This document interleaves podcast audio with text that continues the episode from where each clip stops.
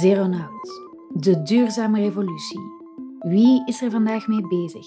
En hoe doen ze het precies? Dit is een podcast over denkers, makers en doeners vandaag met de blik op morgen.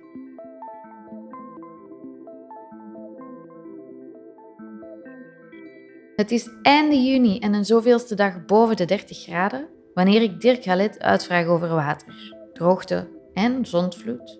En waarom we in Vlaanderen onze watervoorziening maar niet onder controle lijken te krijgen. Dirk Halet werkt bij Vlaqua, het Vlaams Kenniscentrum voor Water. Vlaqua werd in 2010 opgericht door de Vlaamse overheid en werd in 2016 ingekanteld bij VITO, het Vlaams Instituut voor Technologische Ontwikkelingen. Die zetten technologisch onderzoek in voor duurzame doelstellingen. Dirk Halet heeft alle info op zak dus voor een grondig gesprek over water. Of het ontbreken ervan. En hoe we dat kunnen oplossen. Dit is de circulaire podcast van Zeronaut, aflevering 3. De droogte.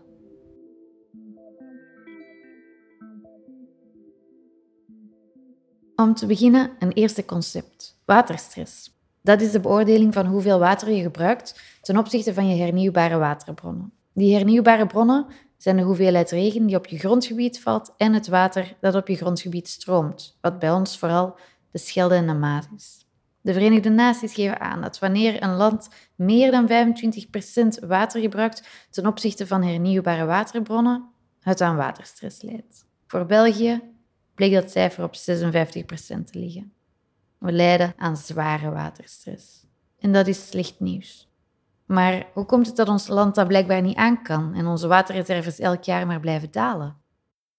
We hebben in de afgelopen decennia hebben wij ons grondgebied zeer sterk verhard.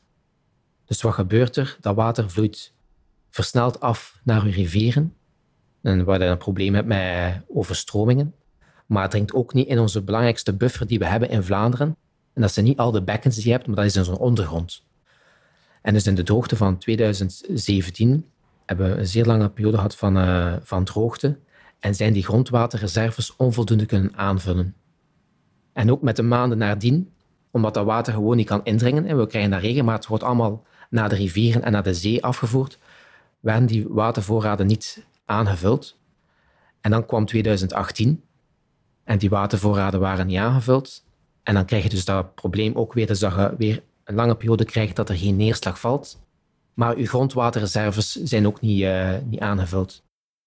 Een van de problemen die optreedt als je grondwater maar blijft dalen is verzilting. Verzilting betekent dat je grond zout wordt. Zoutwater is zwaarder dan zoetwater en in je ondergrond zorgt zoetwater ervoor dat je zoutwater naar beneden wordt gedrukt. Nu, als dat zoetwater steeds kleiner en kleiner en kleiner wordt, dan kunt je inbeelden dus dat dat zoutwater naar boven komt en dan krijg je een verzilting van je landbouw aardappelen en maïs, die gooi niet in zoute bodem. Dus wat kun je dan nog uh, planten, is gras. Maar je kunt daar geen koeien op zetten, want die, die koeien die begrazen ook niet. Dus je kunt er nog wat schapen op zetten. En dan vergeet naar dat je volgend jaar bijvoorbeeld aan maïs of uh, aardappelen kunt gaan kweken. Want uh, dat duurt jaren, decennia, eer je dat zout zou kunnen terug wegduwen uit die grond. In de zomer van 2018 hebben verschillende kerncentrales hebben die niet in volle capaciteit kunnen draaien, omdat er onvoldoende water was om te koelen. En men zou te warm koel water terug gaan lozen in die waterlopen. En als je te warm water loost in een waterloop, dan stijgt die temperatuur, dan daalt de zuurstofconcentratie en krijg je vissterfte en noem maar op. En dus was zelf uh, zo sterk dat men bijvoorbeeld in uh, Frankrijk vanuit uh, stuwmeren extra water moest laten lossen om ervoor te zorgen dat er voldoende water in de waterloop waren, zodat de kerncentrales konden blijven draaien. Dus dan merk je dat welke economische impact dat, dat heeft als je productieprocessen niet kunt koelen. Dat je dus je productie moet naar, naar beneden schroeven of gewoon gaan, uh, gaan stilleggen.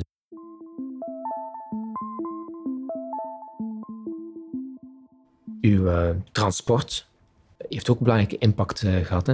Je ook weer inbeelden als die hoeveelheid water in die waterlopen te laag is, dat uw schepen ook niet met dezelfde belading van punt A naar punt B kunnen varen. Mhm. Dus daar heeft men ook diepgangbeperkingen moeten opleggen. Maar dat heeft dus ook voor gevolg gehad, in Vlaanderen bijvoorbeeld, dat uh, bouwondernemingen plotseling een brief kregen van hun toeleveranciers van grant en, grind en zand om te zeggen van sorry, omwille van de problemen op de Rijn gaat de prijs van grind en zand met 10, 20 procent gaan toenemen.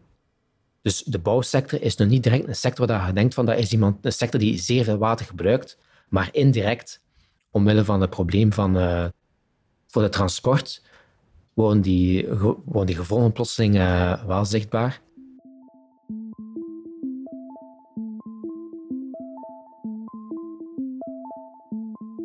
Als je zo het hele plaatje ziet, dan heb je een landbouwer heeft water nodig voor zijn gewassen te laten groeien.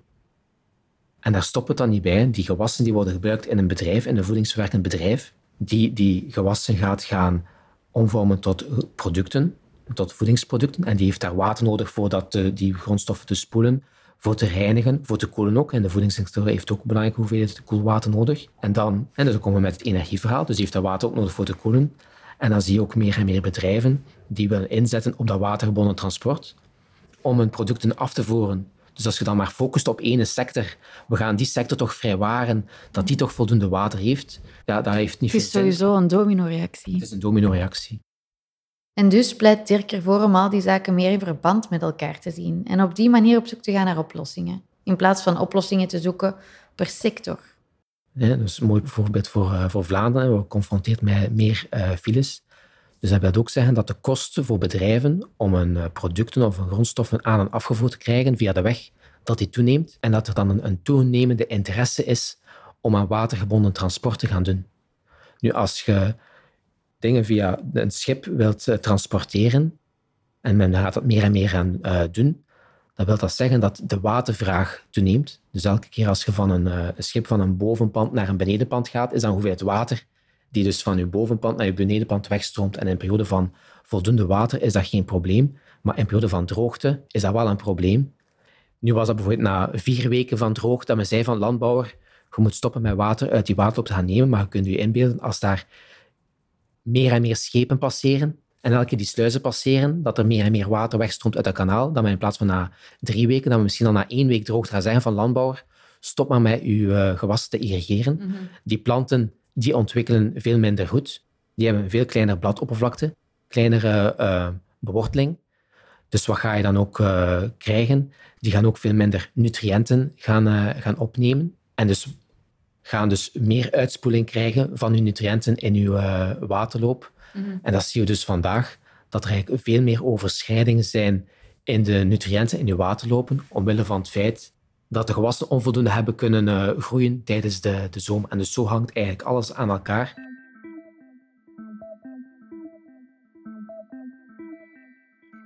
Maar droogte en waterstress beperken zich niet tot onze regio.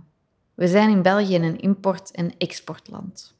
En als je dus sectoren hebt die zeer afhankelijk zijn van import van grondstoffen uit landen die ook gevoelig zijn aan die uh, waterstress, dan kunt je je al inbeelden dat dat problemen gaat geven aan de bevoorrading van die grondstoffen en aan de kostprijs van die grondstoffen.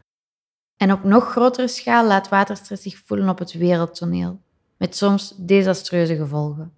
In de periode van 2006 tot 2011 is Syrië geconfronteerd met een van de zwaarste droogtes die het land ooit heeft gekend.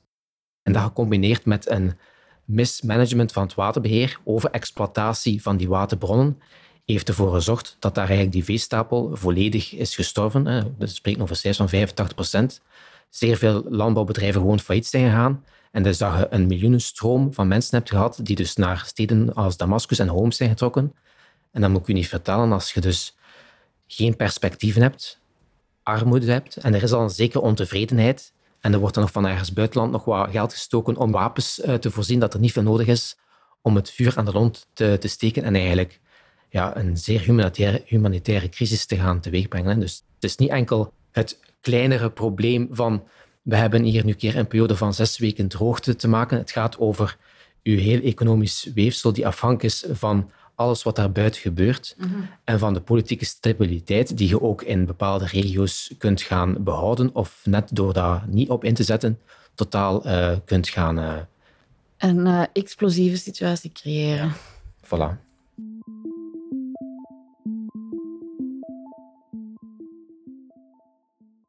Maar wat moet er dan veranderen?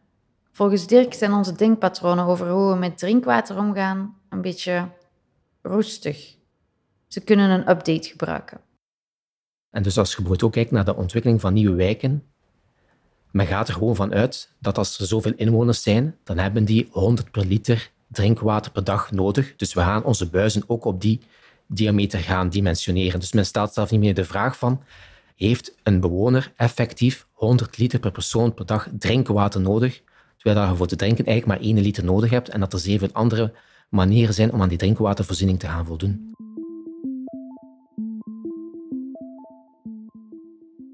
Een ander denkpatroon is bijvoorbeeld, en dat is historisch uh, gegroeid, dat wij het water zo snel mogelijk uit de steden wilden hebben om ziektes als cholera te gaan vermijden. Mhm. En dat was in een, in een context van een paar eeuwen geleden. En dus dat verstaan en uh, duidelijk maken van dat was de context toen, wat het probleem met cholera. Maar nu zitten we wel in een totaal andere context, waar je te maken hebt niet met uh, ziektes, maar met periode van wateroverlast. En nu met die droogte die steeds duidelijker wordt, met problemen van waterschaars. Dus een stad wil eigenlijk niet meer zo snel dat water buiten hebben, maar wil dat water zo snel mogelijk weer binnen hebben. Dus dat is eigenlijk een denkpatroon. Die, en, dat, en op dat niveau zien we dus eigenlijk al een kentering. Dus dat dat denkpatroon een zeer belangrijke impact heeft over hoe dat wij ons watersysteem gaan, uh, gaan aansturen. En ik denk dat daar een sleutel tot uh, succes is om te gaan scherpstellen van wat zijn die denkpatronen die vandaag ons systeem aansturen. Mm. Uit welke context is die ontstaan en is die vandaag nog altijd relevant? Moeten we nog wel nadenken zoals we in de 19e eeuw deden over dat water en die hygiënische omstandigheden? Er zijn nieuwe mogelijkheden voor steden waarop ze water kunnen vasthouden. Een van de projecten die Dirk aanhaalt is de woonwijk De Nieuwe Dokken in Gent. Een wijk die de duurzame buurt van de toekomst zult worden. In de Nieuwe Dokken zullen de kringlopen van 400 appartementen, een sporthal en een school gesloten worden. En daarbij zullen water, energie, grond en afvalstoffen worden gerecupereerd en uitgewisseld. Daarvoor is ook een koppeling gelegd met een naburige zeepfabriek. Nu, uit woningen komen twee stromen afvalwater: zwartwater en grijswater. Zwartwater noemen we toiletwater dat we doorspoelen en dat veel organische stoffen bevat. Het water dat uit de douche en de afwasbak stroomt, bevat minder organische stoffen en noemen we grijswater. En daar wordt dan energie uitgehaald. Maar hoe gaat dat precies, energie halen uit afvalwater? Door dat organisch materiaal in zuurstofloze omstandigheden te zetten, ga je dus een omzetting krijgen naar methaan, die een, uh, een gelijk aardgas is. Dus dat kun je dan gaan uh, verbranden en daar kun je dus energie uit gaan recupereren. En het grijswater, daar zit minder organische stof in. Maar dat is wel, omdat het uit een wasmachine komt, douchen, heeft hij wel een warme temperatuur. Mhm. En de technologie is zodanig ook al gevorderd dat je uit die warmere waterstromen ook energie kunt gaan recupereren. Warmterecuperatie dan? Ja. Maar ik vraag me iets af. Vandaag is onze energievoorziening en waterbevoorrading georganiseerd op een grote schaal. Hele steden worden bevoorraad door grote centrales. Gaan we dan niet aan efficiëntie verliezen als we energie- en waterzuivering op wijkniveau voorzien? Wel, de grootste kost om het drinkwater bij u en bij mij te gaan brengen en het afvalwater te gaan transporteren, dat zit in de infrastructuur onder de grond. Dus je moet denken, in Vlaanderen ligt er 40.000 kilometer drinkwaterleiding, dus dat is één keer rond de aarde. En ligt er bijna evenveel rioleringsleiding. Dus de kost is niet zozeer om het water te gaan produceren of het afvalwater gaan zuiveren, maar is het om van punt A naar punt B te gaan brengen. Dat ga je ook in je drinkwaterfactuur. Is de, de kost die je dus betaalt via het aantal liters dat je gebruikt, is in grote mate bedoeld om die infrastructuur te gaan uitbouwen en te gaan onderhouden. Dus als je op een lokale schaal die afstanden kunt gaan inperken en lokale kringlopen kunt gaan sluiten, dan kunt je je inbeelden dat daar een belangrijk potentieel zit in besparing.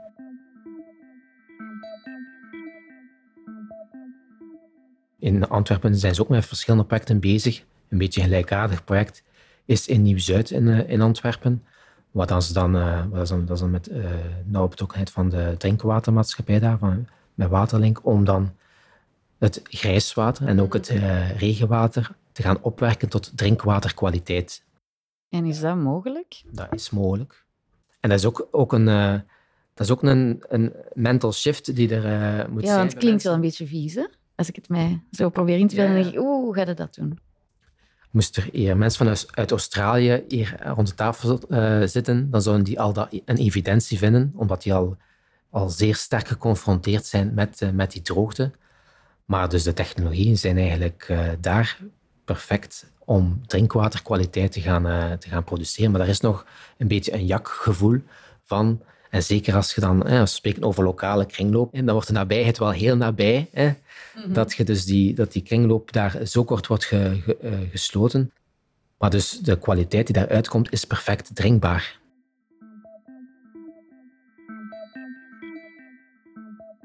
Mijn huis staat in Kalmthout. Even geleden hebben we daar ontzettend veel regen op ons dak gekregen.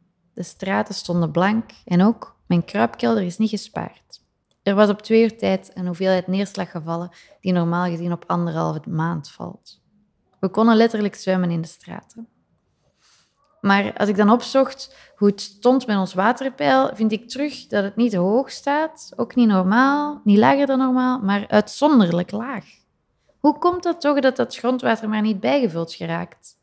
Dus als we elke dag negen voetbalvelden in open ruimte innemen, waar dat 50% effectief van verhard is, dan kan dat water niet, je niet verwachten dat dat water infiltreert in de bodem, maar die gaat supersnel. En dat is hetgeen dat je dus ziet. Hè. Dus dat water komt zeer snel naar, uh, op één plaats samen, krijgt dat problemen met wateroverlast en gaat dan, probeert zich dan via rivieren, kanalen naar de zee uh, te begeven. Dus dat blijft niet lokaal, maar we, we voeren dat af naar, ons, uh, ja, naar, de, naar de zee. Dus die reserves worden niet aangevuld. En dat is eigenlijk Hetgene wat dat, dat is eigenlijk wat het, het, probleem wat, uh, wat zit in heel dat verhaal.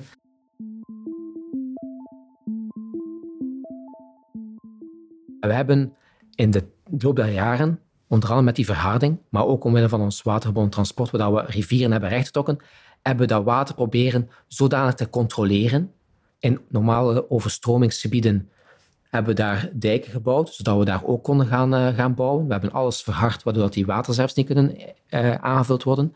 Dus dan zie je dat daar een serieus spanningsveld bestaat tussen hetgeen dat wij verwachten dat het watersysteem van ons uh, allemaal levert, ten opzichte van de capaciteit die dat heeft om dat te kunnen gaan doen. En dat heeft desastreuze, maar ook dure gevolgen. Blijkbaar ligt niemand daar wakker van. Hè? Dus dat we elk jaar zoveel miljoenen euro's moeten gaan uitbetalen om gewoon schade te gaan compenseren, dan de reflex te maken.